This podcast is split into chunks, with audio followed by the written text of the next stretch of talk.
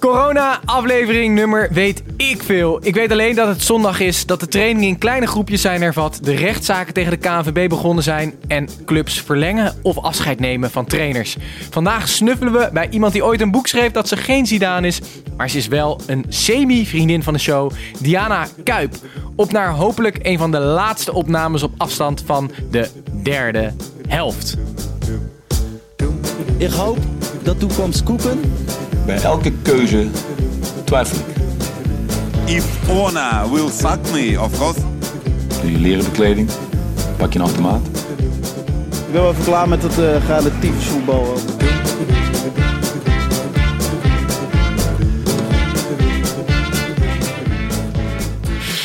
Oké, welkom uh, jongens en uh, welkom luisteraars uh, bij een nieuwe aflevering van de derde helft. De derde helft op afstand nog steeds tijdens deze coronatijden. Hopelijk een van de laatste keren dat we binnenkort misschien wel weer op anderhalve meter afstand gewoon kunnen opnemen.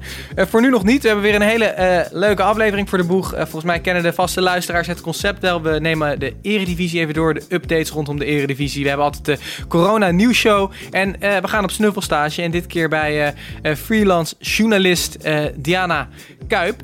Um, om uh, haar ja, het hemd van het lijf te vragen hoe, ja, rondom ZZP'er zijn, freelancer zijn in tijden van corona. En zeker als je sportjournalist bent en er is geen sport.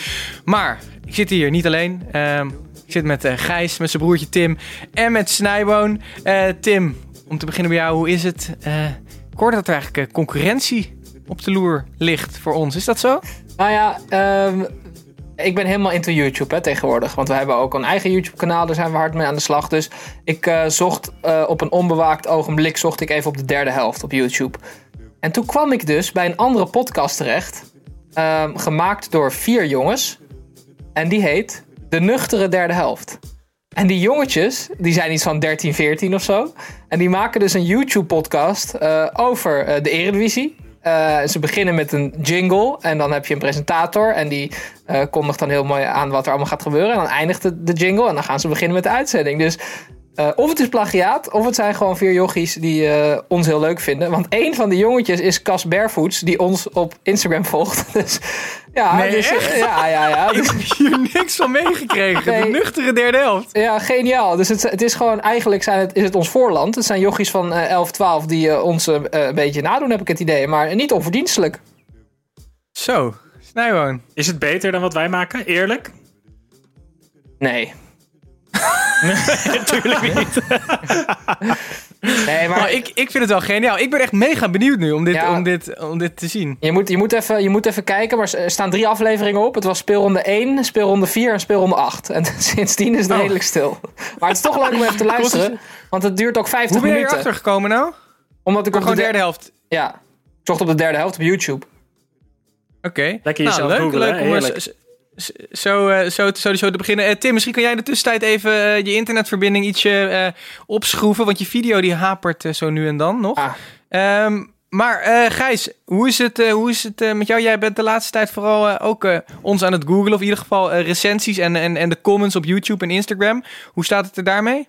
Nee, nou, ten eerste heb ik het stempel gekregen van Mr. Sluikreclame. Eh sommige mensen vinden het eh, eh, cynisch en, en wel geinig, terwijl anderen best wel boos zijn dat ik af en toe reclame maak voor dat ene bedrijf waar ik werk. Ik ga het merk ook niet meer noemen. Ehm, Nee, maar ik ben wel even, eh, nogmaals, veel positieve energie gehaald uit de YouTube-comments. Eh, eentje, ik mag er maar één meenemen van Titus, dus dat heb ik ook braaf gedaan. Hij is wel lekker lang, dus alsnog ben ik lang van stof. Nou, kom maar dan. Robinho Fenomeno. Ha, mannen. Ik dacht, laat ik ook maar eens weten dat jullie goed bezig zijn. Dankjewel. Hij luistert normaal op Spotify, maar op YouTube is het ook zeer leuk. De meeste van jullie zijn ook knapper dan ik had gedacht. Dankjewel. Dat mag gezegd worden. Meeste. Maar, en hier komt hij. Mijn favoriete derde helftlid blijft toch wel Tim. Dat is jammer. Eh, al is het soms wel een heerlijk narcistisch ventje. Titus moet hem als gespreksleider toch echt wat dichter aan het lijntje houden. Wederom een goed voorbeeld aan het einde van vorige aflevering met het klote verhaal over die wijn. Ik hoop dat jullie nog, ik hoop dat jullie nog lang doorgaan. Robinho, dankjewel jongen. Leuk. Eh, leuke, Ah, leuk. leuke recensie. En eh, ja, nou ja, het, het, het, toverde weer een klein glimlachje op mijn gezicht in deze rare tijden.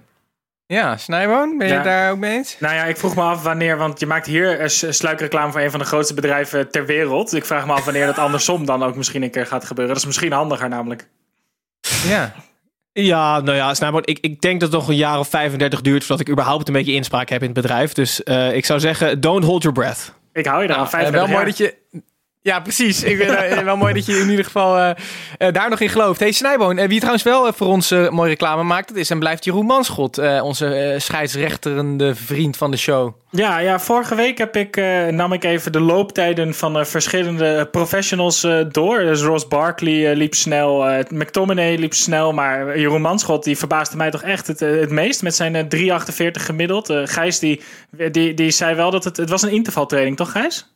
Nee, ik heb uiteindelijk kreeg ik een boze DM van Wouter Running. Die had even de eh, eh, mathematiek gedaan achter de cijfers van Jeroen. En hij zei, dat kan niet. Maar toen, zei, toen heb ik Jeroen verdedigd en ben in de bres gesprongen en gezegd dat het een intervaltraining was. Oké, nou ja, wel voor- een gepaste achternaam voor Wouter als hij.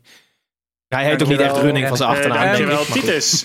Eh, nee, maar Jeroen die dacht deze week na het luisteren, dacht hij, nou, ik kan nu nog harder. En dat kan natuurlijk dan maar op één manier. En dat is door gewoon randvoorwaarden zo te scheppen dat je nog harder gaat lopen. En wat heeft Jeroen dus gedaan? Die is gaan hardlopen met zijn derde helft t-shirt aan dat hij van ons heeft gekregen. Eh, Tim, ik weet de tijd meer precies, eens die liet jij mij zien. Maar ik kan me niet voorstellen dat het langzamer was. Dus Jeroen Manschot gaat gewoon een marathon van Rotterdam binnen volgend jaar. Oké. Nou, wel leuk. En wel mooi dat het shirt dus toch nog gedragen wordt. Wij hebben het ook alle vier niet aan. Eh, we krijgen wel heel veel vragen trouwens altijd. eh, Dat, of dat shirt ergens te koop is. We hebben er wel gewoon een paar liggen. Misschien moeten we er weer een paar weg gaan geven, Tim. Bij mij mag het, Titus. Ik vind het prima. Ik moet ze wel echt trouwens even zoeken in, in, in een of andere stoffige doos liggen die nog verstopt. Eh, Tim, wat wil je zeggen? Want ik wil zo naar de Eredivisie-update. Ik denk dat het weinig kans heeft om hem op Twitter weg te, eh, weg te geven. Want we hebben van- net een eh, vraag uitgezet op Twitter twee uur geleden. En we kregen nul eh, antwoorden. Dus ze kunnen allemaal de pleuris krijgen. Ja, ja, eh, we zeker dat account in de fik, Tim. mooie, mooie positief begin van de uitzending. Laten we het gaan hebben over de Eredivisie-update. eh, en eh, eh, ik wil vooral van jullie horen wat er allemaal gebeurd is afgelopen week rondom onze geliefde competitie. Om te beginnen bij Tim misschien, het, het kort geding van Cambuur en de Graafschap. Ja, dat gaat aanstaande vrijdag, vrijdag 8 mei, om 10 uur te Utrecht. Gaat er een kort geding plaatsvinden. De Graafschap en Cambuur, die natuurlijk ongelooflijk ontevreden zijn met de rare beslissing en de uitkomst van de KNVB. Die hebben besloten om, eh, om naar de rechter te gaan. Dat wisten we al wel een beetje. Wat een soort van nieuwe informatie is, is dat Hypercube, dat is een eh, bedrijf wat werkt met eh, data en statistieken. Die hebben 10.000 simulaties gemaakt van de Eredivisie. En op basis daarvan is de uitkomst dat, ehm, en trouwens ook de keukenkampioen-divisie, sorry, is dat het, de kans dat Cambuur gepromoveerd zou zijn, eh, is 99,5 procent. En de kans dat RKC gedegradeerd zou zijn, is eh, nog iets meer. Dat is 99,85 Ehm, toch vond de KNVB dat niet voldoende om die twee clubs eh, om te wisselen. En wat, kijk, zij willen gewoon eigenlijk een eerlijk ehm, eh, inzicht in hoe de KNVB het gedaan heeft. Want er wordt echt schande van gesproken dat die videocall. eh, ze hebben een mededeling gedaan en hebben bij wijze van spreken meteen de virtuele hoorn erop gegooid. Daar zijn ze gewoon echt verbolgen over. En het erge is, het rare ook, is dat Jus P. van de KNVB. die heeft tegen de BBC gezegd van ja.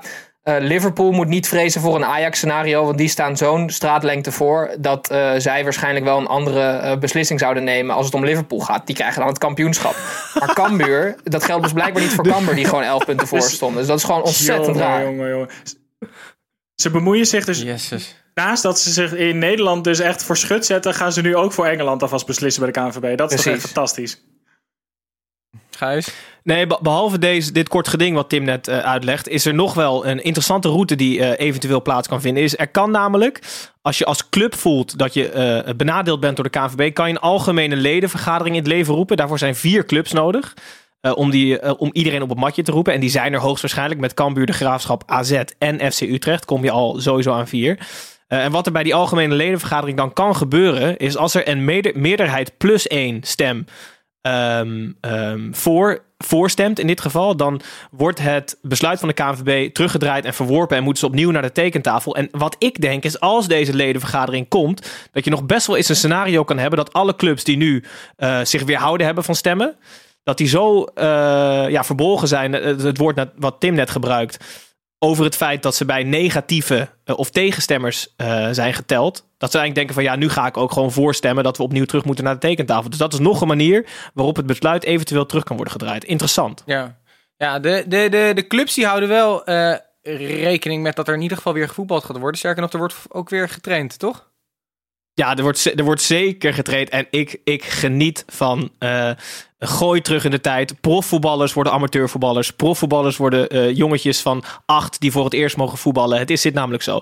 Er wordt getraind in kleine groepjes. Er mag uiteraard niet gedoucht worden. Eh, dus omkleden gebeurt in eigen auto. Eerst haal je je pakketje op, je nieuwe, je, nieuwe je, je kleding. Dan ga je achter het stuur zitten van je Mercedes of Volkswagen Polo. En dan stoot je je knieën, dan stoot je knieën drie keer tegen het stuur voordat je je sokken en je broekje aan hebt. En dan mag je het veld op. Het is echt geniet. En dan op de terugweg eh, gewoon vies in je auto zitten en zelf de was doen. En maar zorgen dat je niet te heet wast. En, en binnenste buiten wassen, jongens, want anders was je het logo eraf. Dat gebeurde bij mij nog wel eens vroeger. Niet te veel Dus toeren. ik niet geniet echt. Het gaat, het gaat echt terug in de tijd.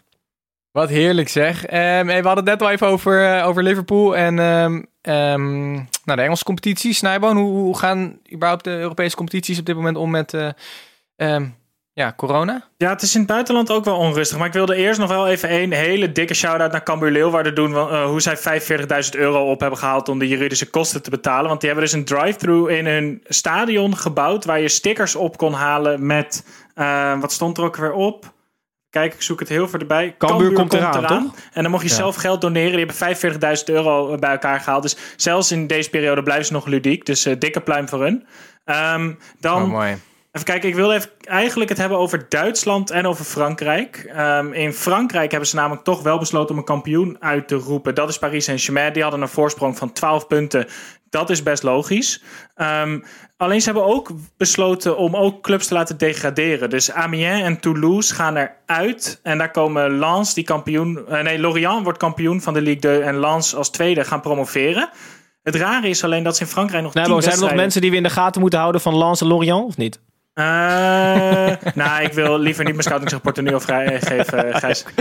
Nee, oké, ga door. Ga Eh, door. maar eh, bijvoorbeeld Amiens, eh, die stonden slechts vier punten achter op de ploeg boven hun die niet zou degraderen. En er waren nog tien wedstrijden te spelen. Ehm, dus ik wil Tim vragen om even een belletje naar Hypercube te doen. Om even te kijken hoe groot de kans is dat hij daadwerkelijk gaan degraderen. Ehm, Nul. en 0%? Dat denk ik. Weet ja. je? Ja, maar ik heb, Nee. jou wel eens, ik heb jou wel eens zien rekenen. Dat geloof ik niet. Ehm, en eh, Memphis Depay dus geen Europees ticket in Frankrijk. eh, want Lyon stond zevende. En die gaan, eh, die gaan ook de, de rechter opzoeken. Dus er komen veel voetbalrechtszaken. Ehm, in Duitsland willen ze wel gewoon gaan voetballen. Daar willen ze 15 of 22 mei beginnen. Daar hopen ze woensdag uitsluitsel over te krijgen. En daar is zoveel kritiek op van binnen de, binnen de spelers. Schilders een middenvelder van Köln, een Belg, Birger Verstraten. En die heeft echt een, een, een nou, best wel boos heeft hij zich uit over, over die plannen. Eh, die zegt eh, dat er bij Köln nu drie mensen besmet zijn. Waaronder de fysiotherapeut, die dus iedereen aanraakt. Ehm, en hij zegt, ja, ik, ik moet nu gaan voetballen. Ik hoef niet in quarantaine, maar mijn vriendin is hartpatiënt. Ehm, ja, ik vind het eigenlijk belachelijk hoe het, hoe het voetbal gewoon... Zeg maar, je kijkt op een stream naar een uitvaart. Mensen mogen geen afscheid nemen in het ziekenhuis van opa en oma's die gaan sterven. En dan hebben we het daadwerkelijk al over dat het voetbal zo snel mogelijk moet beginnen. Ik, dat voetbal heeft zichzelf zoveel hoger op het lijstje van belangrijke organisaties staan bij een exit-strategie. Ik, vind het, ik vind het echt belachelijk eigenlijk. Maar Snijboon, waar, waar, waarin verschilt een uitvaart met een, een gemiddelde wedstrijd van RKC Waalwijk dan? Oké, oké, oké. Ja, ik wil hier zeggen? nog wel één ding aan toevoegen. Want de KNVB en ook Rutte hebben eh, eh, stille kritiek gekregen over het feit dat ze nu al de stekker eruit hebben getrokken tot 1 september. Maar precies dit geval met FC Köln laat zien waarom het gewoon niet mogelijk is. Als een van die drie spelers bij de eerste wedstrijd op 22 mei, als die gespeeld zou worden, daarna getest wordt met corona, moet die hele competitie weer geschrapt worden. Dus het slaat gewoon helemaal nergens op. Tot het virus of tot er een vaccin is, kan je bijna gewoon niet, zelfs niet zonder eh, toeschouwers voetballen. Dus ja, dit, dit voorbeeld laat zien dat het wel een juiste besluit is om tot 1 september in ieder geval de stekker eruit te trekken. Ja, als, je niet kan als je niet kan voetballen, dan kan je eh, in ieder geval wel thuis op de bank Netflix kijken, toch, uh, Snijwoon? Ik probeer even een, eh, een bruggetje te maken. Ah, ja, leuk zeg. Ja, dat is hartstikke goed. Eh, ik moest de lookalike meenemen. Hè? Ehm, ja, we hebben er namelijk een opgestuurd gekregen van, eh, van een serie die ik zelf niet kijk. Maar eh, er waren wel twee mensen die er ons op wezen dat Jaden Sancho tijdens de coronacrisis wel aan het bijbeunen is in die serie heet Sex Education. Titus, jij kijkt dat toch?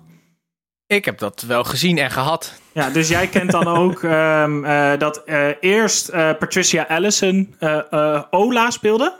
Hoe heette ze? Ja, Ja. ja. Ehm, maar eh, omdat Jason Sancho nu zoveel tijd over heeft, hebben ze besloten om een beetje te wisselen van baan. Dus het schijnt dat op 30 maart eh, Patricia Allison is begonnen aan de training bij Dortmund.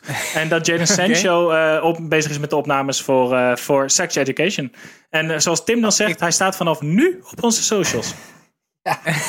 Oké, ja, Ja, maar heel Snijboom, wie, wie waren het dan die het opstuurden?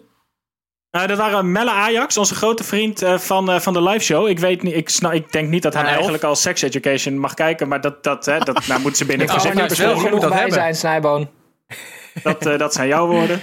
Eh, en Max Viersel, die stuurde hem ook op. En als twee mensen hem opsturen, dan moet het wel waar zijn. Max is drie. Oké, zeker. nee, ehm, leuk. eh, dus nu te zien op onze social media kanalen. Eh, tot slot nog heel even. eh, coaches in de eredivisie. Pardew, Dick Advocaat, is het een en ander gebeurd. Tim? Ja, Dick Advocaat, dat, daar wil ik niet al te veel woorden aan vuil maken, aangezien dat al niet meer actueel is. Maar die heeft zijn contract verlengd, dus dat is uitstekend nieuws voor Feyenoord. Eh Dick harkt meteen geld binnen zonder vier maanden iets te doen waarschijnlijk. Nou ja, ze gaan natuurlijk weer, zijn nu weer een beetje aan het trainen. Pardew die is eh, weg bij ADO, wat natuurlijk geen verrassing is. Eh, nog wel grappig detail is dat hij een ton zou krijgen als ADO Den Haag erin zou blijven. Ehm, daar heeft hij zelf van afgezien. Volgens mij heeft hij uiteindelijk 25k gekregen. En dat heeft hij meteen doorgeschoven naar een goed doel, als ik me niet vergis. Ehm, en eh, dan is er nog iets met Ted van Leeuwen aan de hand. Die is weg bij FC Twente. Eh, en we gaan meteen door naar het weetje. Want Dat daarover was wel gaat een beetje weetje. jouw... eh, jij, jij, jij zat in de fanclub. Zeker, ik ben echt fan van Ted. Absoluut. Maar ik wil even... Ga jij nu die jingle instarten voor dat weetje of niet? Is dat goed? Ehm, is, heeft dat te maken met Ted van Leeuwen? Want ik hoorde Zeker. eigenlijk niet wat je net over hem zei. Dat ik er Zeker. zelf doorheen lulde. Ja, ja. Oké, dan, dan starten we hem nu in. ik heb een weetje. Niemand wil het weten. Titus. ik heb een weetje. Ja. Ben ik nou zo slim of ben jij zo dom? Weet jij nog wie dat zei? Verhaal. Ja, precies. En ehm, weet je ook tegen wie hij dat zei? Eh, nee. Nijboon? Was dat Bert Maalderink? Nee, Gijs? Oh, Ja, ik, ik dacht ook eh Hombes de La Prensa, mensen van de pers, maar blijkbaar niet dus. Nee, het was... eh, ja, jullie hadden het kunnen raden, maar het was Ted van Leeuwen. Als je, dat, als je dat, als je dat YouTube-fragment nu opzoekt, dan eh, hoor je hem ook daarvoor zeggen... Ted van Leeuwen, wat een domme vraag. Ben jij nou zo dom of ben ik nou zo slim? Ted van Leeuwen was namelijk voordat hij eh, technisch directeur werd bij AGOVV... was hij journalist, een gerespecteerd journalist bij Voetbal International. Dat heeft hij een tijd lang gedaan. Hij was eh, volgens mij door Johan Derksen destijds aangetrokken. Eh, en van daaruit is hij eigenlijk het technisch directeurschap ingerold. Dus dat is het weetje. Ja, het moest nu wel, want Ted is nu pleiten. Ik hoop dat hij nog terugkomt met zijn scoutingslijst. Maar hij, zat, hij was de man waar tegen Louis van Gaal zei... ben ik nou zo slim of ben jij nou zo dom? Oké, Gijs? Ja, eh, eh, Ted, Tim zegt al, hij is fan van Ted. En Twente komt wel echt diep in de problemen nu er 15 contracten aflopen. En ik denk dat er zonder Ted precies nul spelers terugkomen. Dus ik ben benieuwd of ze volgend jaar of 7 tegen 7 gaan spelen... of gewoon uit de competitie kukelen. Snijboon? Ja, tel daarbij op dat hij zelf nog een doorlopend contract heeft, dus een afkoopsom eh, ontvangt. En het schitterend beleid daar. Jongen, jongen, jongen. Heerlijk. Ehm, jongens, we gaan, eh, eh, we gaan het hier weer laten wat betreft onze Eredivisie-update. Maar we verlengen wel eh, de, de, de, de, de reeks aan nieuwtjes eh, met onze eigen corona-nieuws-show. We hebben hier nu wel een jingle, toch? ik weet het niet zeker. Ehm, Oké, eh, ik, ik hoop dat onze producer Dirk hieronder wat heeft gezet. Anders was het een beetje een ongemakkelijke stilte. Eh, laten we wel beginnen met de corona nieuwsshow. Goed of slecht nieuws mag worden meegenomen. Eh Snijboom, wat heb jij meegenomen? Ik heb verschrikkelijk slecht nieuws eh, mee. Ik heb eh, namelijk op één gekeken de- eh, deze week. En bijna overgegeven tijdens het kijken. Want Frank Evenblij en Erik Dijkstra kwamen daar uitleggen dat de eredivisie best afgespeeld zou kunnen worden. Maar dan door penalties te nemen in plaats van wedstrijden te spelen. En ik, nou, ik zweer het, waarom krijgt dit echt in hemelsnaam krijgt dit tijd op tv? Het is gewoon alsof je gewoon twee willekeurige mensen vraagt: hey, heb jij nog een slecht plan? Kom het anders uitleggen op de NPO. Het is echt verschrikkelijk. Het is gewoon zo dom, want je kan penalties nemen om wedstrijden te beslissen. Ja, dan kan het ook gelijk worden als het 3-3 wordt. Nee, natuurlijk niet. Dat is onzin. Je kan net zo goed gewoon. Vroeger deed je Pokémon kaarten gooien naar de muur. En wie dan dichtstbij lag, die won. Zo kan je Ja. ook de eredivisie doen. Of eh, weet ik veel, dat je een hele hoge heg hebt en dat je een dode hamster zo hoog mogelijk in die heg probeert te gooien. Het slaat gewoon Oh ja, helemaal nergens op. natuurlijk. Saibo, wil je anders even bij opeen komen om je ideeën te kunnen delen met ons? Nou, ik, eh, jongen. ik- als ze me bellen, zeg ik af. Echt waar. Nee, ja, slecht nieuws. Oh. eh, eh, veel te veel aandacht voor domme ideeën in de wereld. Nou, de enige reden die ik kan bedenken is omdat Erik Dijkstra die krijgt nogal wat kritiek voor zijn eh, presentatorschap bij Op1. Dat ze hem net iets meer ervaring willen geven. Dus nog, nog vaker aan tafel zetten. Want hij was nu gewoon te gast in zijn eigen programma. Dat is ook apart. dat is ook raar. Ehm, Jongen, jongen, jongen. Tim, wat heb jij meegenomen? Goed nieuws of slecht nieuws? Ja, goed nieuws natuurlijk. De corona zorgt ervoor dat eh, ja, mensen gaan geen overhaaste gekke beslissingen meer nemen. En nemen eens rustig de tijd om even hun acties eh, te overdenken. En dat vind ik hartstikke leuk. Want zo was er een jongen van 15. En voordat hij meteen eh, gekke dingen doet, had hij een vraag voor Anouk Hogendijk. Die had hem, haar een DM gestuurd. Jullie kennen Anouk Hogendijk, denk ik wel. Dat is die aantrekkelijke oud profvoetbalster. En je- die jongen van 15 die, stuurde een DM met de volgende tekst. Hoi Ja. Anouk, misschien is dit raar. Sorry, maar ik ben 15. Zou ik een foto van mijn piemel mogen sturen? Ik vind dat dus best leuk. dat is toch leuker dan dat je gewoon in één keer ongevraagd je piemel gaat sturen? Ik vind het best wel chic om Als gewoon te vragen. Of je... Wat? Nee. ik vind het wel echt een, goede manier, zeg maar een chique soort dickpic door de corona. Dat is toch hartstikke leuk? Ja. Dik tekst. Eh, Gijs? Tim. Ja. Tim. Hij lacht ook om zijn eigen grap, terwijl wij hem niet eens horen. Je moet echt even wat aan je wifi fixen, want dit lijkt ja, echt ik helemaal hoor jou ook nergens op. niet. En ik zie je ook eh, de hele tijd in een soort slow motion. Ehm, maar gelukkig hebben we nog goed of slecht nieuws van eh, Gijs. Ja, dus kan zeker. Tim weer even gaan klussen. Ja. Eh, Gijs? Ik heb uitstekend nieuws. Eh, eh, ik, ik hoorde trouwens niet of Anouk geantwoord had, want ik had Anouk ook nog een keer een DM gestuurd over het zijn Oh. in, in de gast van de derde Oh. helft, maar nooit geantwoord. dus En of, ze je een foto, of jij een foto nog mocht sturen naar haar, toch ook? nee, precies. Nee, zeker. Ja, hoeveel jaar geleden was dit? Eh, oeh. Niet zo heel lang. Maar goed, laten we teruggaan naar mijn goed nieuws show. Ehm, het, het sleutelwoord van de afgelopen tijd is natuurlijk solidariteit.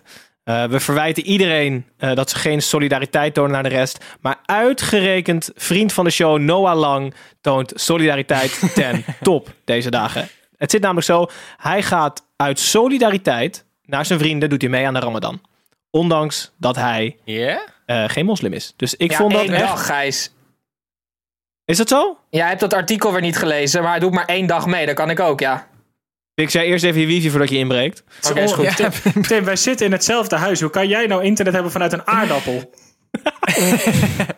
Ehm, Oké, eh, tot zover eh, de corona goed nieuws eh, en slecht nieuws show was het eigenlijk. Ehm, eh, we zijn weer eh, up-to-date en we kunnen eigenlijk weer eh, op eh, snuffelstage. En dit keer eh, gaan we dat eh, doen bij sportjournalist, schrijver van eh, columns, boeken, eh, eh, presentator. Ze doet video-interviews. eh, ja, wat doet ze eigenlijk niet? Eh, Diana Kuip, eh, ze is al een keer bij ons te gast geweest, telefonisch. Ehm, maar nu, eh, ja, eigenlijk ook weer telefonisch, maar dan eh, met, met video erbij. Ehm, dus eh, laten we even haar gaan eh, inbellen en met haar gaan bespreken hoe het is om eh, freelance sportjournalist te zijn in tijden van corona. Zal ik nog een kopje koffie halen? Wanneer krijg ik mijn stagevergoeding?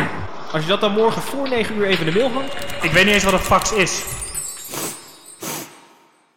Oké, we hebben er eh, inmiddels te pakken gekregen. Diana Kuip, eh, eh, schrijver, eh, journalist, freelancer eh, in tijden van corona. Eh, hartstikke leuk dat je er bent voor deze snuffelstage. Je bent de derde eh, ehm, op rij. Hoe is het met jou?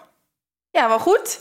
Ja, het gaat goed. Ik, eh, hier is iedereen gezond, eh, rustig. Ehm, ik heb nu niet zoveel te doen.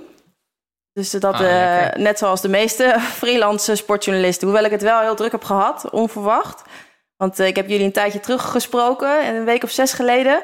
En toen Ja. zei ik van, jongens, ik ben failliet. Want ik heb niks meer te doen, alles is gecanceld. Maar toen kwam echt drie uur later kwam er een hele grote klus... waar ik de sportredactie van een bepaald programma moest doen. En dus ik heb de afgelopen anderhalve maand heel hard gewerkt. Eigenlijk zeven dagen in de week. Dus eh, ik ben nog niet failliet. Ik ga deze zomer failliet. Maar dan, zal, Nou, dan, ik zal, wil... dan zal morgen de telefoon wel weer rood gloeiend staan in deze uitzending natuurlijk. Ja, als jullie dat effect eh, inderdaad hebben, wel ja. Wij zijn een beetje de, Wie dro- weet. de John Troost van de Ik wil het zo nog wel ZZP'ers even... wil het zo nog wel even hebben over... ehm, eh, ja, jouw, jouw failliss- faillissement, jouw toekomstig faillissement. Ook, ook nog wel over, eh, over wat voor een klusje je nou hebt gedaan. Maar misschien goed om de luisteraars even bij te praten. Eh, pak een beetje een week of zes geleden. Toen corona eigenlijk net op het punt stond van ja, te beginnen. De hele echte crisis. Toen zou jij te gast komen bij ons. Toen zei jij al, nou, ik heb eigenlijk niet heel veel behoefte om met vier van deze jongens in een kleine ruimte te zitten. Wat uiteindelijk de juiste beslissing bleek te zijn. Toen hebben we je wel ingebeld. Ehm, en, eh, en nu, nu bellen we je wederom in. Je, eh, er lijkt een soort vloek op eh, te zitten voordat jij bij ons echt kan aanschuiven aan tafel. Ja, ja, inderdaad. Ja, nee, ik, eh, ik, zei, ik zei was een van de eerste die... want jullie zeiden nog van nee, kom gewoon lekker. Maar ik was niet Nee, lekker. dat zouden wij dus ik was doen. Dus bang wij dat ik jullie aan zou steken. maar nee, klopt. Ja, nee, ja, ik, ik ga ervan uit dat we gewoon dit vasthouden, toch? Dan blijven we gewoon lekker bellen met elkaar. Ja, precies. Dat gaat ons altijd eh, goed af. Ehm, een aantal, eh, aantal maanden daarvoor was jij eh, de presentator bij de, en de jury zelfs, bij de Voetbal Podcast Awards, waar jij het ons niet gunde om te winnen. Wil je daar nog oh, excuses, excuses voor aanbieden hier? Nee, ik wil niet excuses aanbieden. ik, eh, ik heb wel gezegd dat, eh, dat ik jullie ook echt dat ik genoten heb van jullie podcast. Maar wij als jury, we waren met meerdere, eh, vonden Vice de- dit jaar de terechte winnaar. mede vanwege hun fantastische podcast over de spookvoetballer. Ehm, dus ja, ik denk ook dat jullie niet je hoeven te schamen om te verliezen van, van Vice. Nou, dat doen we wel. Ehm, maar eh, la- laten, we het, laten we het even gaan hebben over jouw, eh, jouw ver- verliezen. Ehm, jij, jij, jij bent freelance journalist. Je had een, een zomer voor de boeg met onwijs veel sportevenementen. Eh, ehm, ik denk dat jij heel veel klussen dus eh, al had staan. Toen kwam corona. Eh, hoe hard kwam die klap aan en, eh, en eh, eh, is echt alles verdampt? Ja, alles, alles is voorbij, jongens. Ja, nou, Was er eigenlijk nog wel, een ja. negatievere manier om die vraag te stellen, denk je? Nee, ja. ja, nee, die klap eh, kwam stapsgewijs. Dus, ehm, en e- eerst eh, sneuvelde het EK. En dat, vond, dat vind ik van alles wat gesneuveld is inmiddels... eh, vind ik dat wel echt de ergste. Omdat ik daar echt heel erg veel zin in had. Ehm, om gewoon weer op een groot toernooi oranje te zijn. Ehm, dus, en daarna eh, s- eh, sneuvelden de Olympische Spelen en daarna de Tour de France. Dus toen was het heel duidelijk eh, dat, eh, dat ik eh, eh, voorlopig niet op vakantie kan. Nou mag het ook niet, maar ik heb ook geen geld meer. Maar, maar komt er niet, er, er, er- komen er niet nieuwe klussen op? Je had, je, je had het net al eh, over, over een klus die Ja, dat is wel zo hoor. na. Uiteindelijk eh, kan je, kunnen er zomaar weer dingen gebeuren. Zoals ik had helemaal niet verwacht dat ik het eh, druk zou krijgen met de sportredactie van een eh, corona-gerelateerd programma. Dat, dat calculeer je natuurlijk niet in. Dus dat is heel fijn. Maar, eh, nou goed, zeg nooit nooit. Maar ik kan me niet voorstellen dat er nu iets komt wat gaat compenseren wat er van de zomer eh, op stapel stond. Omdat dat de momenten zijn voor mij om, eh, om te cashen, zeg maar. Het, eh, Dat is gewoon, ja. ja, zeker rondom toernooien zoals een EK of een Olympische Spelen of een eh, Tour de France. Daar, daar zit heel veel voorwerk, aan- gaat daar aan vooraf. En dan zeg maar, dan is het toernooi en daarna cash je ook het voorwerk. Dus nu heb ik gewoon heel veel werk gedaan al. En ja, komt er, kan je geen factuur sturen. Dus dat is, Nee. eh, dat is wel een dingetje, ja. Tim? Wat was jouw rol bij het... Wat zou jouw rol bij het EK zijn geweest? Was dat echt eh, spelers op de voet volgen, interviewen en zo? Ehm, ja, ik kan het dus nog niet, eh, ik mag het nog niet specifiek zeggen, maar ik had een, ik had een format geschreven voor een bepaald interview eh, eh, item. Eh, dat al voor het EK ging beginnen en dat gaat over het EK. eh, voor het AD. En dat eh, ga ik nu volgend jaar doen. Dus ik, eh, ik wil nog niet zeggen wat het is, want anders gaan andere media misschien ook. En ik weet dat jullie zulke verschrikkelijk veel luisteraars hebben. Dus dat eh, durf ik niet aan. Wat is die ondertoon hier, jongens? Nee, het is geen ondertoon. Oké. Snijboon? Eh, nou ja, ik vroeg me wel af hoe dat dan werkt met dat voorwerk. Want jij werkt dus dan een, een, een, een, een, een format uit. En dat ga je dan pitchen bij partijen. Dat, en dat Eh, is waardoor ja. je dus vooral dat voorwerk dus echt geen, geen rode cent krijgt. Nee, nee dus, dus dat is inderdaad dan een voorbeeld. Maar ook voor bladen. Eh, eh, bladen werken altijd heel ver vooruit. Dus ehm, nu al eigenlijk eh, heb je afgesproken dat je rondom de WK met een aantal vrouwenbladen moeders van voetballers gaat interviewen of achtergrondverhalen gaat schrijven. Dus dat is allemaal afgesproken. En daar heb je dan ook al afspraken voor gemaakt. omdat dat al in, in april moet ingeleverd worden of in mei. Ehm, dus dat is allemaal dan, ja, dat, dat stopt allemaal dan. Ja, we hebben ook krankzinnig veel eh, voorwerk verricht natuurlijk met deze snuffelstage. Wat vind je van dit concept? Ja. Ja, ja, uitstekend concept, jongens. Ik zie, het- ik zie heel duidelijk, dit is een geoliede machine. Ik voel me Ja. heerlijk. Maar Dat niet meenemen volgend jaar, hè? Als we het ergens zien verschijnen, dan komt er een claim naar binnen bij je. Ja, terecht, terecht. Ik hou me in. 10, 10 euro Hey, overmaken. Wij, eh, wij proberen natuurlijk altijd eh, heel veel te leren. Dus eh, zo ook nu vandaag met jou over hoe, hoe het dan is om een, een, een goede journalist te zijn. Ook in deze donkere dagen. En misschien ook wel hoe het is om een goede schrijver te zijn. Ehm, Titus, je moet het nog een keertje zeggen, want je stond stil. Sorry. Oh, lekker rustig. oh. Is dat eh, mijn internetverbinding die, eh, die, die zo slecht is, jongens? Nu is het weer goed. ik, hoorde je helaas wel. Ik hoor die Oh. ook. Ehm, oh, oké. Nee, eh, dan... eh, ik, ik herhaal de vraag gewoon nog een keer.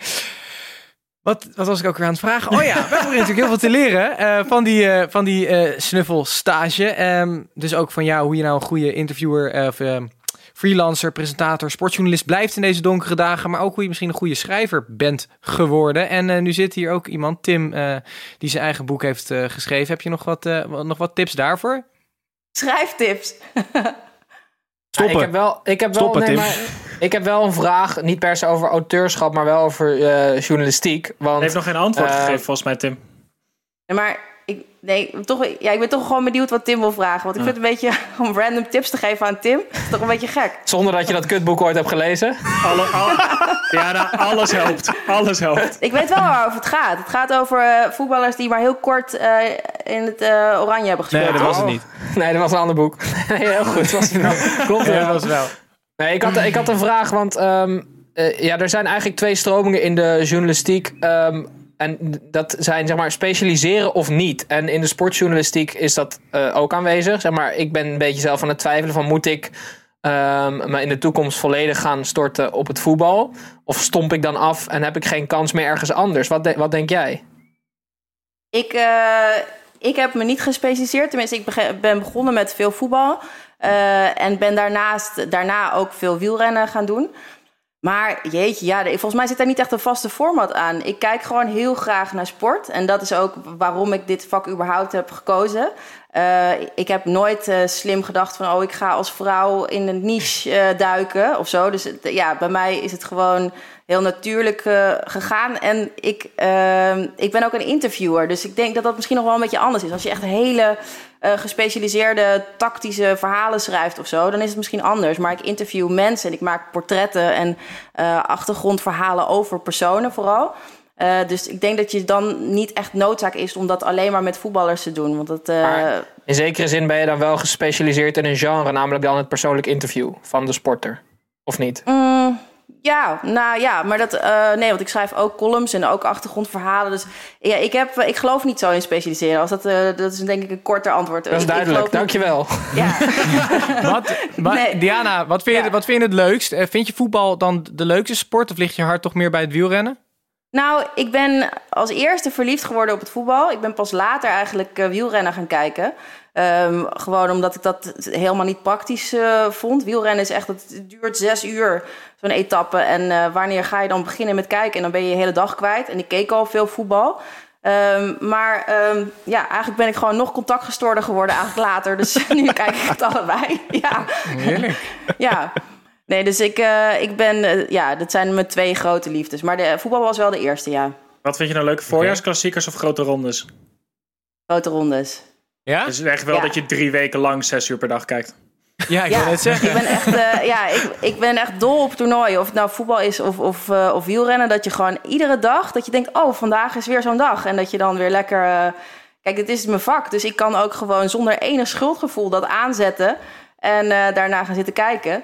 Dus ja, ik, ik ben dol op toernooien. Dat je gewoon echt in zo'n eh, ja, zo'n ritme komt. Ik val ook altijd als iets afgelopen is echt een beetje een zwart gat. Hm. Gijs? Ja, om het even terug te koppelen naar, ehm, naar je interview en je interviewstijl. Ik weet dat je eh, godsonmogelijk veel voetballers geïnterviewd hebt. Volgens mij rond de 150, zei je laatst zelf. Eh nou is dat het natuurlijk een hele ja. standaardvraag om te vragen wie is het leukste, wie is het minst leuk. Eh, die gaan we ook zeker stellen. Maar ik, ik ben vooral benieuwd. Het is zo'n breed spectrum waar je mee te maken hebt gehad. Van, van Eldro Elia, Nathan Rutjes tot volgens mij zelfs David Beckham die je gesproken hebt. Wie heeft, wie heeft als, als eh, persoon, want je zegt persoonlijke interviews, het meeste indruk op je gemaakt? Eh, dat zijn wel altijd. Voor mij zijn het altijd interviews die anders lopen dan je denkt. Of dat gewoon blijkt dat je mensenkennis eigenlijk eh sucks. dus ik, eh, Ja. ik dacht dat. dat had ik met Dennis Bergkamp. Daar dacht ik echt van: oh, dat is een hele stille Willy. En, Maar je zet hem op dat- vliegtuig en toen brak hij los. ja, ja, ja, dat soort dingen doe ik graag. Ja, nee, het was ook echt. Ik, ik wilde hem al heel graag heel lang interviewen. Omdat ik, ja, hij is. Ik ben nooit echt. eh, ik heb nooit posters of zo gehad van voetballers. Ik was ook nooit verliefd. Of, maar Dennis Bergkamp, daar had ik een videoband van. En dat was eigenlijk echt van de eerste eh, momenten dat ik echt verliefd werd op het voetbal. Daar keek ik echt heel vaak naar. Dus die, die wilde ik gewoon echt heel graag spreken. En ik denk dat ik drie jaar lang eh, zijn manager ongeveer ieder half jaar een mail heb gestuurd van... hey, wil Dennis Bergkamp al een keer interviewen? En dan zei ze elke keer nee. En eh, op een gegeven moment eh, lag er een, eh, een post-it op, op mijn toetsenbord. En daar stond op van, kan je eh, ehm, zijn manager terugbellen? Want Dennis Bergkamp wil een interview. En toen dacht ik, mijn hoofdredacteur, ik werkte toen voor JFK... die haalde altijd practical jokes met mij uit. En hij wist dat ik hem heel graag wilde interviewen. Dus ik dacht, dat is natuurlijk bullshit. Dus ik had helemaal niet gebeld. Hard en, eh, get.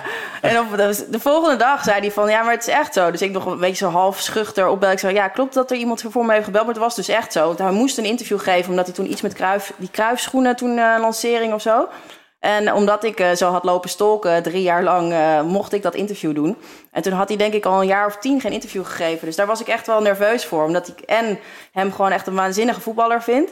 Maar ook omdat ik dacht van ja, maar nu mag ik dat doen. En dan mag, heb ik anderhalf uur om met hem te praten. Dus ja, misschien heb ik wel helemaal niks. Ja, is het wel al na een kwartier afgelopen. Maar dat bleek gewoon echt een superleuke, open gast te zijn. En ja, dat je daar dan eh, lekker kan zitten en kan praten over die goal tegen Argentinië. Of het een gelukje was. En eh, of, je, of je nou met Wim Jonk echt. Of je dan vrienden moet zijn om zeg maar, elkaar zo aan te voelen. Of dat het andersom werkt. Dat zijn gewoon dingen die ik echt heel graag wil weten. En dat ik het dan superleuk vind dat, het, dat ik dat dan mag vragen. Dat ik, ja, dat ik dan helemaal vergeet dat dat gewoon mijn vak is, weet je wel. Ik sta, zit daar gewoon echt voor mijn lol. Dus dat was een van de leukste interviews, ja. Oké, misschien zo nog het dieptepunt. Maar Tim, jij wil eerst wat eh, zeggen? Ja, ik ik ben er altijd wel benieuwd naar. Ehm, want Dennis Bergkamp staat volgens mij best wel bekend als een saaie gast. En dan komt er in één keer zo'n eh, mooie vrouw en die gaat hem allemaal vragen stellen. En dan gaat hij daar in één keer heel leuk tegen doen. Denk je dat dat meespeelt, dat jij een vrouw bent? Want ik kan me voorstellen dat als hij tegenover een kale vijftiger zit, zoals Snijboon, dat hij dan in één keer eh, eh, gewoon, gewoon dicht slaat, bij wijze van spreken. Ik noteer een compliment. Eerst, dankjewel. Gedaan. Ehm, ik denk dat het überhaupt... Ik, kijk, eh, eh, voetballers zijn natuurlijk genoeg eh, vrouwen gewend. Ik geloof niet dat het zo is dat ik binnenkom en dat ze denken... holy shit, die is knap. dat ze daarvan onder de indruk zijn. Maar het is gewoon, er komen gewoon heel weinig vrouwen binnen. Ja, we zijn gewoon... Zeker in de schrijvende pers zijn er echt heel weinig. Dus ik denk zeker dat het een voordeel is... omdat zie je dan... Ja, dat je gewoon al opvalt. En ik denk ook dat ik als vrouw wel met ehm, bepaalde dingen makkelijker wegkom dan jij. Dus bijvoorbeeld ehm, ja, gewoon wat persoonlijke vragen over de liefde of over vriendschap of over gevoelige dingen. Ja, ja. Die Als stelt jij- Tim toch nooit hoor. Ik zou Nee, zo dat- graag willen dat. Ik zie nu voor me dat, dat Tim dingen over de liefde gaat vragen aan Dennis Bergkamp. Het is een van de grappigste dingen die ik me in weken heb voorgesteld. Ja, maar dat wordt ook super awkward. Mannen kunnen dat niet. Dus eh, inderdaad, als jij dat dan gaat vragen, dan denkt hij van waar bemoei je je mee? En ik, eh, ik, Ik kom vind, daar wel, wat, eh, ik vind wel dat jij me onderschat. Maar goed, ga door met je verhaal. ja. Wel terecht. Maar je zou het wel willen lezen, toch? Je wil wel lezen over hoe Dennis Bergkamp over de liefde. Dus dat, eh, daar heb ik dus dan. Ja, daar, dat is fijn dat daar ook echt een markt voor is. En dat ik daar me dan in kan. Dat is dan mijn specialisatie. Nu je het zo dat ik gewoon wat persoonlijker, eh, persoonlijker kan zijn. Ja, en heb je, eh, want ik, ik ga dan toch even die, eh, eh, die, die, die cliché-vragen van Gijs doorheen Tuurlijk. gooien. Wat heb je dan ook interview, interviews gehad waarvan je dacht, oeh, ik had hele hoge verwachtingen, maar het was uiteindelijk net niks? Of het was misschien wel juist die saaie gast die ik misschien bij Dennis Bergkamp verwachtte? Mm, even denken hoor. Je hoeft geen naam te Nou- doen, maar omschrijven maar alvast. Nee, Oh, je ja. moet wel namen noemen. nou, niet, niet wat jij zegt dat ik er dan heel veel van had verwacht. Maar wat altijd hele moeile- moeizame gesprekken zijn, zijn jonge voetballers. Omdat die, ehm, ja, die zijn nog heel angstig. En, eh, en, en ik snap het ook. Want het is natuurlijk, zeker in de voetbalpers, daar wordt één zinnetje al zo snel uit zijn verband gerukt. Dus dat vind ik altijd hele moeizame, of altijd vaak hele moeizame interviews. Omdat je gewoon merkt dat ze gewoon op hun hoede zijn. Dus dat je dan vraagt van op welke plek eh, zou je het liefst voetballen? En dan zeggen ze ja, daar waar de trainer me neerzet. En dan denk ik, oh nee. Ja. Weet je wel? Maar dan is het En toch, dat- dan is het toch eh, aan jou om daar doorheen te prikken, hoe moeilijk dat ook is. Zeker. Zeker. Dus dat vind ik ook wel. Dus ik, ik, ik vind het ook wel leuk. Dus dan zeg ik, joh, weet je, ik zit hier niet om. Ik wil je niet eh eh naaien. Weet je wel, vertel me gewoon. en dan zegt hij, ja, verdorie. Zo simpel, jongen. Zo Ja, sorry. joh. Oh, ik hoorde het al zeggen. Ja, nee. ehm, maar ja, dus... Kijk, het, het suffe is... ehm, ja, zij, zij, ze vertrouwen je niet. En dat is ook gewoon eh, logisch. Want het wordt, ze worden ook heel vaak gepakt op, op eh, dat soort zinnetjes. Maar daardoor is het leuker om met voetballers te praten. Zoals een Edwin van der Sar, die dan aan het eind van zijn carrière zit. Of eh, weet je wel, die heeft gewoon helemaal niks meer te verliezen. dus, daar, ja, die, dus dat is een heel andere soort ehm, vibe die je dan, eh, waar je dan mee zit te praten. Heb je jonge Word voetballers geïnterviewd waarvan je wel dacht van... oh, deze is veel opener dan ik dacht of deze, deze durft? Dat je verbaasd was? Ehm, ja, nou, Edwin van der Sar, dat was, ook wel, dat was ook iemand die ik best wel verkeerd had ingeschat. Dat ik dacht ook, het is ook een beetje zo'n saaierd. Maar eh, dat, toen ging ik eh, naar Manchester. Eh, nee, ja, dat was, dat, was, ja, dat was daar nog. En dus dan, dan trek je ook de hele dag met zo iemand op. Want er zat nog een fotoshoot aan. En toen bleek er gewoon, oh ja, want die, we hadden een fotoshoot. En dus ik had zelf wat kleren eh, meegenomen van een stylist. En toen bleek hij dus zelf in zijn kofferbak ook echt een hele eh, arsenaal aan kleding hebben. Maar ook een soort koffertje waar ehm, horloges en armbanden en zo uitkwamen. Ja? ja echt een soort beetje Royce soort- Drenthe. ja, een soort showpony. Dus ik dacht echt, hè? Weet je wel? Dus die, eh, die hield, bleek enorm van mode te houden. En was eigenlijk gewoon een hele leuke, spontane gast. En ja, dat had ik gewoon ook er nooit achter gezocht. Dus ook daar klopte mijn mensenkennis niet. Dus dat was ook iemand die me echt positief verraste, ja. Tim? Een van de dingen die mij heel erg tegenstaat, eh, is het gebrek aan intellect bij heel veel voetballers. Ehm, eh, heb jij, heb Dit is jij geen vraag, dit is gewoon een punt wat hij wil maken. eh, eh, eh, Jezus. ehm, je hoeft ge- ja, nou, heb je daar ook wel, wel eens over opgewonden of vind je dat vervelend? Want jij, want jij bent niet dom. En ik, ik bedoel, Je als zoekt jij, medestanders. Nee, maar ik, als je als werk hebt om mensen te interviewen en eh ste- bijna ja, 99% eh, van de mensen is wel een stuk minder intelligent, dat is wel vermoeiend, vind ik persoonlijk. Ehm, goh, nou, ik, ik, ik zie dat toch een beetje anders. Ik, eh, ik, ik interview ze ook niet over politiek of, of wiskunde, dus dat scheelt ook. Ehm, Ik probeer toch een beetje erachter te komen wie is iemand. En ook al is iemand dan misschien niet zo intelligent, nog steeds zit er een bepaald karakter onder. En eh, ja, dat vind ik altijd leuk. Of het nou dus iemand die iets minder slim is, eh, is of juist een hele slimmer. Dat maakt niet zoveel uit als je gewoon over dingen kan spreken. eh, onderwerpen die iemand echt raakt. Dat heeft eigenlijk iemand, iedereen wel.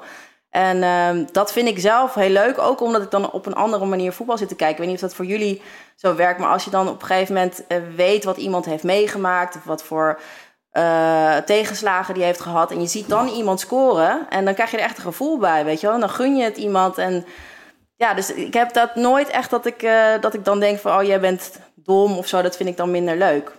Ik heb dat wel.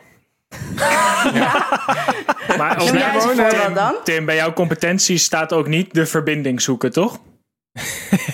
Nee, maar ik snap wel wat je wilt. Ik ga, ik ga, mocht, mocht voetbal ooit weer terugkomen, ga ik vanaf nu. Want we zijn erachter gekomen dat Jeroen Manschot heel hard kan lopen. Ik ga dus die hele wedstrijd niet meer kijken. Ik ga alleen maar kijken hoe hard Jeroen Manschot over dat veld heen gaat. Gewoon.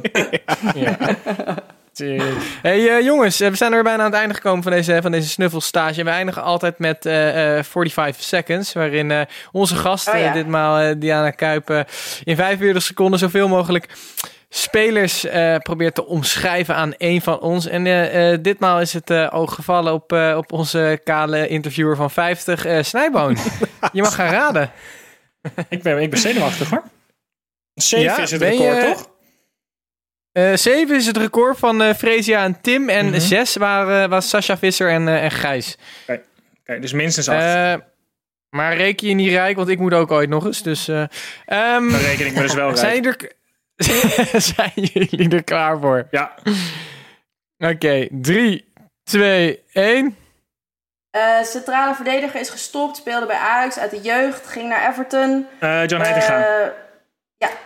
Ehm, eh, eh, trainer van eh, Utrecht, FC Utrecht. Eh, Eh, daarvoor is, eh, trainer John van van AZ. Ja. Ehm ehm, een matje, Roda JC. Nathan Rutjes. Ja. Eh ADO ADO Den Haag. Eh, Eh, Tommy. Beugelsdijk. Ja. Ehm, eh, verdediger van AZ. Ron Beton. ja. Eh Rastahaar. Eh, eh, AC? Milan. Ja, klopt. Ehm eh, heeft een broer, die heet Eh, Siem. Luc de Jong. Ja. Stop, stop, stop, stop. Hoeveel zijn dit? Dit zijn er echt toch een veel. potje fraude gepleegd, jongen, voor de Nee, luisteraar. hoeveel zijn dit er? Oh, oh, oh, oh. Eh, waren dit er niet zeven? Ik heb eigenlijk niet eens geteld. Ik was eh Het waren er het zeven, maar gaat iemand vertellen hoe dit echt zit of niet? Echt zit? Je hebt toch gewoon ons eh, best gedaan? Ik heb er zeven geraden, feitelijk. Dat ik, is ik heb er waar. zeven opgenoemd. Dat is ook Eh, ik denk dat we even met de jury eh, hierover in, in conclaaf moeten. Het kan zijn dat misschien het lijstje iets is aangepast achter de schermen door, eh door eh, Snijboon en Diana. Maar eh, eh, daar komen we later in ieder geval nog op terug. Ik Eh, vind dit, op een, dit moment ik gewoon vind dit een zeven. hele, hele heftige beschuldiging, eh Titus. Ja, Jij hebt Eh, gedeelde even eerste over. plaats. We gaan, eh, we, gaan, we gaan hier later nog op terugkomen. Eh, dan zijn we ook aangekomen bij, eh, eh, bij het einde van deze aflevering van de derde helft. Oh nee, dat Jawel. is helemaal niet waar. Want we hebben nog, eh, we hebben nog Fantalk. Altijd ingeleid door onze grote vriend Tommy Beugelsdijk. Hallo fans, wie gaat er zinnen? Hier is Tom. Ja, Die hadden we en snel, dan, hè? dan moet ik, Tommy Beugelsdijk. ja, ja, we zijn echt een geoliede machine samen. Super, moeten hier wat Zo. mee doen. Super. Ja, jongens, ik zou er niet te vaak op terugkomen als ik jullie was. Eh, laten we even kijken wat eh, de luisteraars hebben, hebben ingestuurd. Eh, eens even kijken. De eerste vraag is van Jort van Meteren. Hij wil weten voor hoeveel geld jij, Diana, eh, je achternaam in eh, Diana Gelredoom zou veranderen. No, ja, nee, je zou hem echt heel veel geld toe moeten geven. Ja, ik wil zou wel een ik, bedrag horen. Ik wil een bedrag horen. Ehm, Word je vaak beschuldigd van Ik denk Feyenoord-fan? ik wil wel, eh, ik wil wel vijf ton. Oké, dat is prima. Gijs. Nee, maar, maar, maar heb je er moeite? Heb je er wel eens moeite mee gehad eh, met jouw achternaam? Of ben je ook het is, eigenlijk heel, trots op? het is heel onpraktisch. Nou, ik ben trots op omdat het mijn vaders naam is. Maar Oh ja. eh, het is eh, vrij onpraktisch als je sportjournalist bent. Omdat het toch wel verwarring schept. Ik heb ook wel eens voor Ajax eh, dat blad eh, gewerkt, freelance. En dan bel je ja met Diana Kuip van Ajax. En dan zitten echt mensen echt van, ja, is dit een grap? en, Het is, wel, het is wel beter dan Diana Feyenoord City op zich. ja. Ik dacht aan eh, Diana Ja. Theater of Dreams, dacht ik. oh ja, nou goed. eh, ja, dat zou, ik wel, dat zou ik wel doen, ja. Dus even kijken, we hebben nog meer eh, vragen. We hebben een vraag van eh, Bart Makkink. Hij wil weten eh, eh, met wie je liever bier zou willen drinken. Mathieu van der Poel of eh, Frenkie de Jong? Frenkie Bij de mij Jong. staat er seks hebben. Hé? En bij mij staat een bier drinken. Kies ik toch voor bier drinken. Het zijn alle twee wat jong eh, ook voor me. Maar ehm, ik denk, eh Frankie, Frankie, dat lijkt me gezelliger iemand om mee in de kroeg te hangen. Ja, met- niet ja. de gezellige ja, Zuiderse Mathieu van der Poel. is natuurlijk eigenlijk Ja, gewoon een, een, een, een nep Belg. Of een nep Ja, Nederlander. Ik heb Mathieu wel eens gesproken. Die is heel, ook heel aardig, maar heel gesloten. En ehm, ja, ik denk dat Frankie gewoon een gezelligere jongen is om mee bier te drinken. Oké.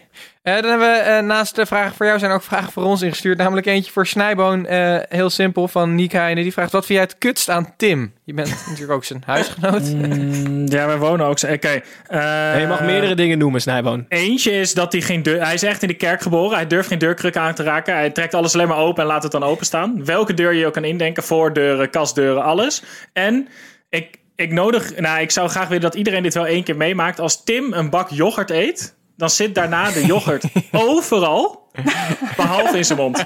Aanrecht, op de grond, aan tafel. Allemaal willekeurige kledingstukken die in de kamer liggen. Het is niet normaal. Hij heeft een soort sproeier van yoghurt, maakt hij ervan. En de rest Was dat hem wat je aan hebt ook ooit een andere kleur, Tim? Of? Nee, die is gewoon wit, Titus. Oh, oké. Hij heeft Nou, Tim dank- smetvrees. Wat? Tim? Tim, Tim Heb je smetvrees? Heb je Nee, smetvrees? Ik heb geen te Oh, dat een. Nee, nee, helemaal niet. Alleen ik vergeet het gewoon. Want dan, dan eh, heb ik een deur open gedaan. Omdat ik iets wil pakken uit een kastje. Dan is die missie in principe geslaagd. En dan kan ik verder met mijn leven. Oh, klaar. Ja, Ga ik gewoon door. oké, duidelijk. Oké, hey, deze geslaagd. missie is ook geslaagd. En eh, wij kunnen hopelijk ook verder met ons leven. Eh, Diana, hartstikke bedankt dat je er was. Superleuk. Hopelijk binnenkort een keertje in, eh, in, in het echt, in de studio. Ja, hoop ik toch wel. Dankjewel wel voor de uitnodiging. Ja, ik vond het heel leuk. Dankjewel voor de uitnodiging, mannen. Gelukkig. Eh, voor de luisteraars, eh, dit was de derde helft voor deze week. Wij zijn er over een weekje weer in jouw eh, favoriete podcast-app. En op YouTube. Dezelfde tijd. En op YouTube. Laat je comments Eh, dus achter. eh, Ja, dan gaat Gijs ze voorlezen. dan.